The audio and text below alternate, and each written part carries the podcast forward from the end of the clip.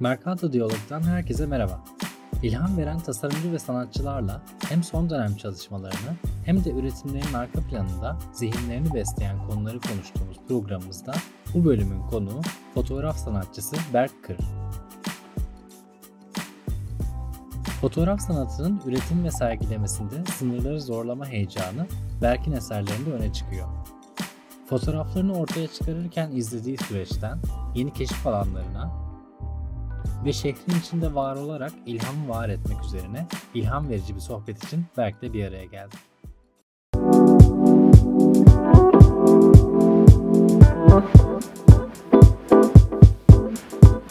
Merhaba Satoshi takipçileri, ilham veren tasarımcı ve sanatçılarla sohbet ettiğimiz Mercado Diyalog'un yeni bölümüne hoş geldiniz. Ben Yağız Genç.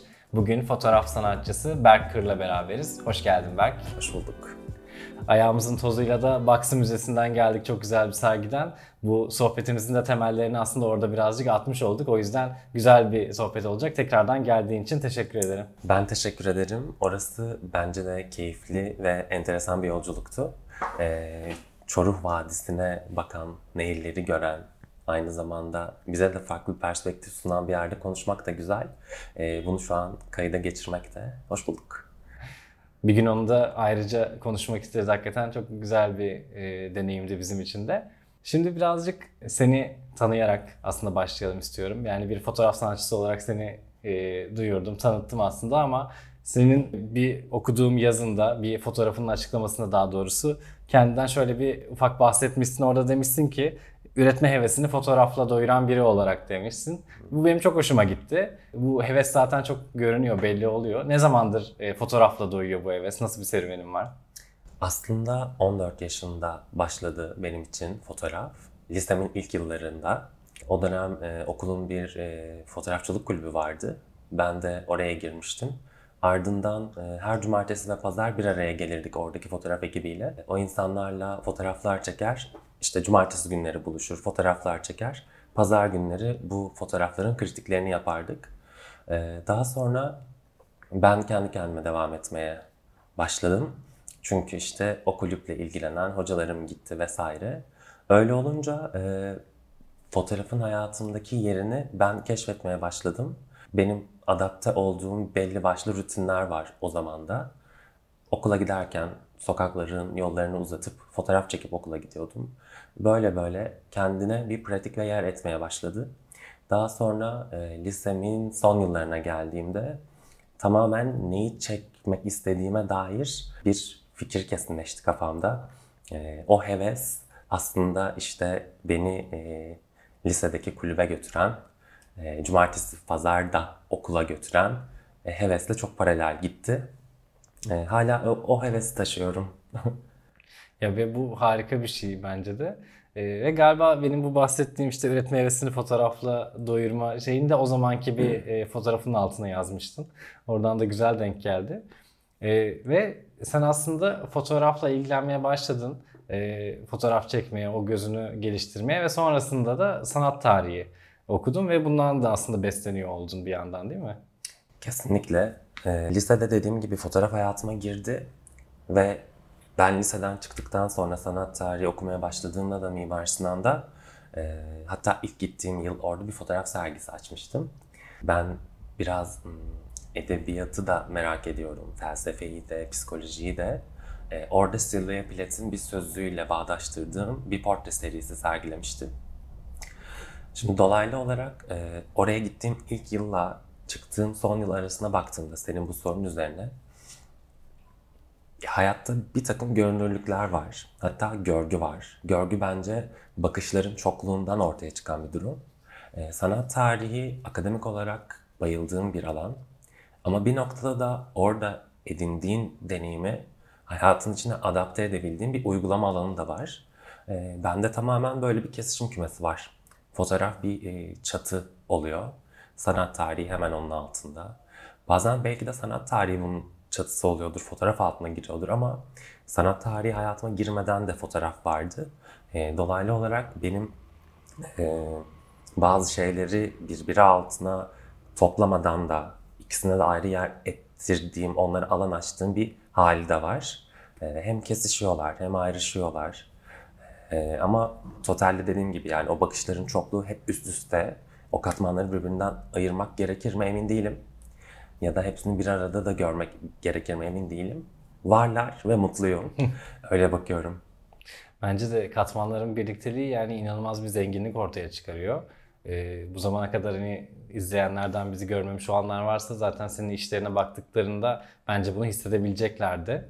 Ee, o çok güzel bir kendini gösteriyor çünkü. Ve bu katmanların e, birliği demişken aslında sen e, sanat tarihi ve fotoğraf olarak bunları konuştuğumuzda bir yandan da aslında malzemeyle, teknikle e, ve farklı keşiflerle de katmanlar eklemeye devam ediyorsun. Ve bununla ilgili de e, çok heyecanlısın ve o heyecanın bize yansıyor. Biz de e, yeni üretimlerde bu yeni keşiflerini takip ediyor olmaktan çok zevk duyuyoruz. Orada da böyle olunca tabii ki fotoğrafın hem üretiminde hem de sergilenmesinde sürekli böyle bir sınırları zorluyorsun. Bu sınırları zorlama hali nasıl başladı? İlk yaptığın böyle bir farklı yaklaşım neydi ve şu an nelerle ilgileniyorsun bu alanda? Aslında orada e, fotoğrafa yani fotoğrafın hayatımdaki edindiği yerin benim o yere dönüşmemi algılamakla alakalı bir kırılma noktası vardı. Ee, bazı şeylere hayatta zaman ayırmak gerekir. Bazı şeyler ayırdığınız zamanın kendisidir. Ee, bu böyle benim için. Ayırdığım zamanın kendisi bu olmaya başladı. Ee, akabinde de bu rutinlerime tekabül ettiğinde, oraya sinmeye başladığında benim burada yürüdüğümde, etrafa baktığım yerdeki e, nesnelerle ilişkilenmeye başladığım bir yola e, sirayet etti. E, tabii orada e, okuduğum şeylerin gördüğüm şeylerle ilişkilenmesi de e, söz konusu. Mesela e, ben 2019 yılından beri üstünde çalıştığım bir seri var. Başımın üstünde yerim var adını verdiğim. O seride dışarıda, İstanbul'da e, yürürken karşıma çıkan nesneleri toplayıp o nesnelerin e, gündelik hayatta kullanılan deyimler bakımından e, çeşitlenmesini irdeliyorum. E, dışarıda kendi başına duran bir nesnenin ev hanesine geldiğinde, bir misafiri karşılamak için kullanıldığında başka bir anlama geldiği fikrine dair olan gözlemimi bir takım e, okumalarla açmaya başladım. Son zamanlarımda e, nesne yönelimli ontolojiyle ilgileniyorum. E, ve tabii bütün bunlarla ilgilenirken gören bir özne olarak aynı zamanda görülen de bir özneyim. Dolaylı olarak görülen bir görenim bunun bakışa sirayet ettiğini düşünüyorum. E, Merleau-Ponty bunun hakkında inanılmaz şeyler tabii ki yazıyor. Onu mesela okumak, e, bir gün onun okuduğu cümlelerle dışarı bakmak ya da bu zamana kadar onun söylediği şeyleri böyle bir bedenden, böyle bir deneyime sahip insan olarak idrak edip dışarıda o özne olarak var olmanın da önemli olduğunu düşünüyorum. E, dolaylı olarak aslında dışarıda benim e, nesnelerle kurduğum ilişki biraz fotoğraf malzemesinde e, çeşitliliğe de beni götürüyor. E, pandemide mesela e, evden hiç çıkamadığımız bir dönem vardı. E, haliyle ben de dışarıda bu kadar yürüme hevesi ve merakı olan biri olarak ilk defa 3 ay evden hiç çıkmadım. Dışarının şartlarının bana gelme biçimleri var. Bunlardan bir tanesi kargo. Şimdi orada biraz da böyle kendi işlerini hep kendi halleden, sürekli kendi yapma edimini hayatında tutan biri olarak dışarıdan birinin bana bir şey getiriyor olması fikri bana biraz da ürpertici ve yabancı da geliyor. Şimdi biraz da öyle bir yerden dışarıdan gelen o kargo paketlerindeki işte e, pıtırcık, hava kabarcıklarıyla elimde baskısı olan fotoğrafları birleştirdiğim ve e, burada dışarının malzemesiyle evde olanı bir araya getirdiğim ama bir noktada evde duran özne olarak etrafa baktığım nesnelerin e, anlamları hakkında da düşündüğüm bir süreç vardı. Tabii e, şimdi bu aklıma geldi ama fotoğrafın kendi malzemesini çeşitlendirmek konusunda e, işte Kasa Galeri'de e, bir sergi olmuştu. Misal Adnan Yıldız'ın küratörlüğünde. E, Dünyanın Ağırlığı sergisi. E, orada e, işte Başımın Üstünde Yerim Var serisinden bir fotoğrafı e, yaklaşık 3 metrelik e, bir baskıyla, branda baskıyla. Şimdi mesela branda malzemesi olması benim için önemli. Çünkü e, brandanın biraz kullanım açısından reklam e, uygulaması var. Reklam hizmeti var. Dışarıdaki deneyim bunu söylüyor. Ee, orada işte çaydanlık, baş üstünde bir çaydanlık var, bir figür var. Ee, kapının üstünde duruyor ve siz o fotoğrafı en iyi açısını karşıdaki çay ocağında otururken görebiliyorsunuz. Aslında şimdi nesnelerin kendi arasındaki e, donanımlarına ve o ilişkilere baktığınızda çay içme deneyimini size mümkün kılan bir çaydanlık onu gelenekler bakımından size hizmet edinen belli bir cinsiyet ve kasa galerinin işte giriş kapısından girerken izleyicinin işin altında olması. Ee, biraz fotoğraf benim için böyle bir yerde. Bir e, sosyal e, strüktürü var. E, bir gözlemleyici olarak ve gözlem uygulayıcısı olarak belki de fotoğrafın da biten bir şey olduğunu hiç düşünmüyorum. E, sürekli işleyen, belli dokularla muhatap olan ve o dokuları da kendi bünyesine alan bir varlığı var benim için. O noktada malzeme çeşitleniyor. Ee, dediğim gibi görülen bir özne olarak görüyorum ve o birlikteliklerle varım. Ee, uzunca söyledim ama böyle düşünüyorum. Çok iyi ve Kasa Galeri'deki o sergide yerleştirdiğim fotoğraf onun arkasındaki nedenler bence inanılmaz anlatıyor bu e, bahsettiğin arkasındaki düşünce yapısını en güzel fizikselleşmiş hallerinden biri belki de. Bir de senden dinleyince kesinlikle tam oturuyor. Bu strüktürü yani çok e, güzel bir şekilde algıladığımı düşünüyorum şu an senden tekrar dinlediğimde. Ondan da çok memnun oldum. Ve e, hakikaten bu bu soruya verdiğin cevap içinde o kadar çok böyle bence bir durdurulup tekrar dinlenip tekrardan algılanarak e, sindirilebilecek ve kendi insanın bilgisine katılabileceği çok güzel şeyler vardı. Onları da böyle dinlerken birazcık da kendi şeyimden de koptum. Buradaki akışımızdan da koptum. O da çok hoşuma gitti. Teşekkür ederim bu açıklamaları. Benim, bence benim hayatta böyle bir etkim var. Ee, işte işler de mesela bulunduğu mekana e, yeni bir anlam önerebiliyor. E, bunu çok güçlü buluyorum. E, geleneksel fotoğraf biraz ölçülü, belli medyumlara, belli malzemelere hitap eden, biraz belgeleyen belli bir anın tekrar edilemezliğiyle yücelen bir form. Şimdi fotoğrafın bir diğer yanı da var bence. Ben oradaki diğer ihtimallerin çokluğuyla heyecan duyuyorum. Dolaylı olarak bireysel de bir keşif. Benim kendimi keşfetmem, etrafı keşfetmem, kendini keşfetmekte olan biri olarak etrafa bakan, e, tam tersi. Hani bir şeyi söylemenin biçimi var ama o biçimin de birçok biçimi var ve böyle e, sistemsel ne derler hatta e, son zamanlarda Alman bir e, sosyoloğun e, yazılarını okuyordum. O da bilişsel teorilerden bahsediyordu böyle.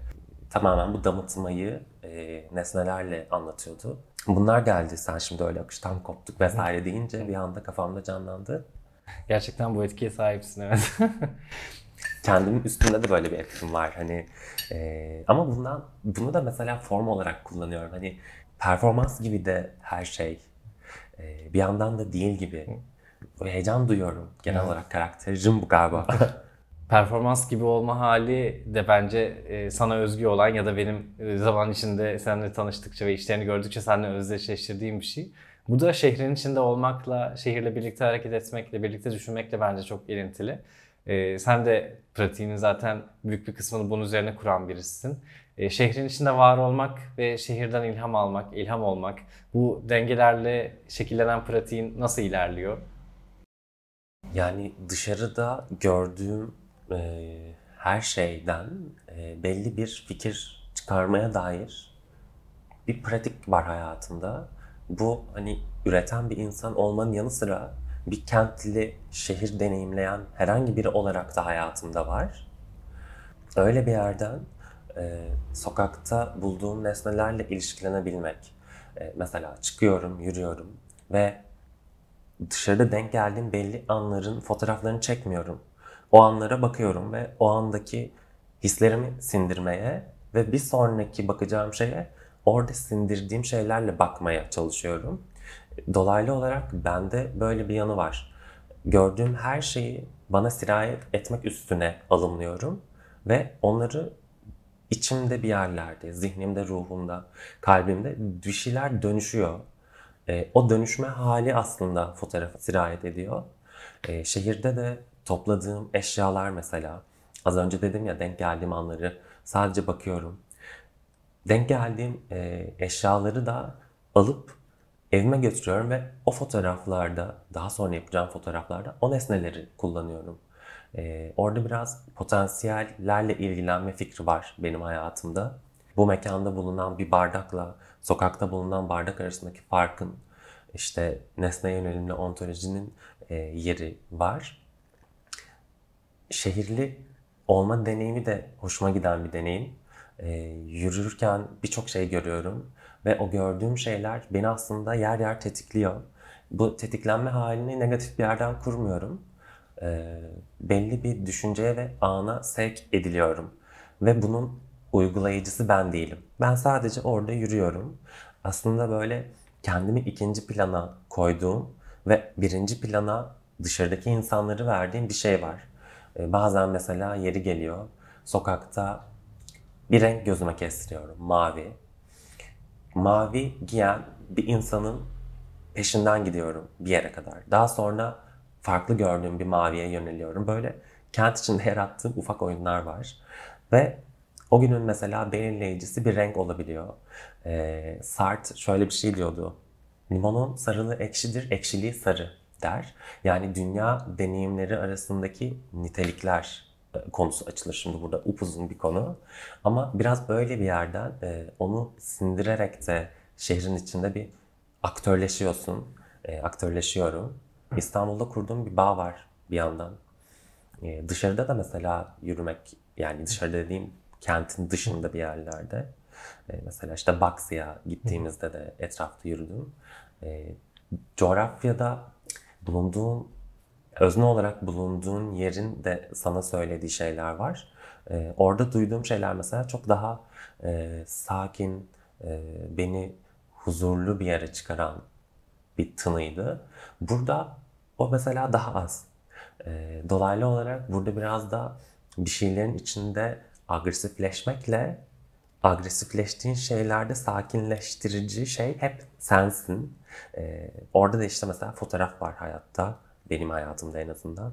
Ee, böyle bir çatışma halleri gibi de e, bir yandan işte nesneler, fikirler hep böyle bir kentteki çatışmakla, eşyalarla çatışmak vesaire vesaire hep böyle bir katmana götürüyor beni. Kendilik katmanları. 2024 yılında e, bir kişisel sergim olacak.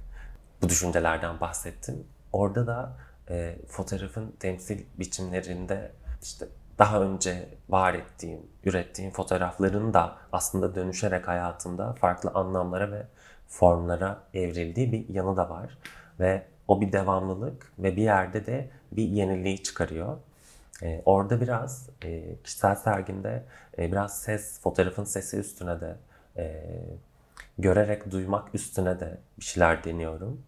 Eğer içime sinen bir formla buluşursam e, umarım izleyiciyle de buluşur o form. E, o da heyecan verici. E, fotoğrafın sessizliği ve kendi sesliliğimin çatışması mesela. Öyle bir fikir de var. Gerçekten heyecanlı. Zaten bahsettiğim, senin de bahsettiğin böyle fotoğrafı birazcık hem üretimde hem sergilemede sınırları e, aşan yaklaşımların çok böyle öne çıkıyor. Yani işte bu farklı bir malzemeyle bir araya getirmek. Hatta işte senin dediğin bir fotoğraf işini orada bırakmamak, sonrasında tekrardan onu e, farklı bir şekilde kurgulayarak yeniden ele almak, senin zaman içindeki dönüşümü de yansıtacak şekilde. Ya bence bu fotoğraf için çok yeni, taze böyle bir heyecan verici bir şey. Ben en çok o tarafı açıkçası heyecan verici buluyorum. Ve bizim de zaten ofisteki minik koleksiyonumuz için senin de bu şekilde yarattığın bir iş var. E, ondan dolayı bu bahsettiğim pandemi dönemine denk gelen. O da bunun çok güzel bir örneğiydi. E, yeni işler için de bundan dolayı e, sabırsızlanıyoruz. Özellikle bu sergiden şimdi ben konu açacaktım. E, senin de konuşmanda bahsetmen iyi oldu. Ama mesela ses katmanını da buna katmak. Orada yine bir ters köşe ve bize yeni düşünecek çok fazla alan yaratıyor. Onun için de yani böyle şeylere yöneldiğin için de çok teşekkür ederiz bir sanat izleyicisi, takipçisi olarak. Ben teşekkür ederim.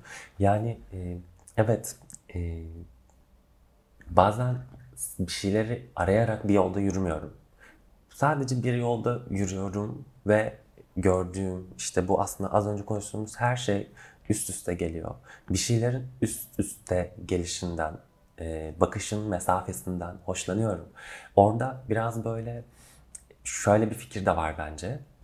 Mesela işte işitmek, dokunmak, insanın bedenini doğrudan eylemin içine sokan e, bir bakış, e, duruş. Ama görmek insanın kendisinden çıktığı bir nokta. E, öyle bir yerden oradaki mesafeyi keşfediyor olmak da o mesafeyi diğer daha yakın mesafe kuran şeylerle birleştirebilmek de ama buna hala fotoğraf diyebilmek de e, böyle fotoğrafın kendi nesnesi olması fikri beni çok heyecanlandırıyor ve bunun üstüne düşünmek. Yani kendi kendime mesela düşündüğümde böyle inanılmaz anlar yaşıyorum bazen. Çok mutluyum yani şükür ki.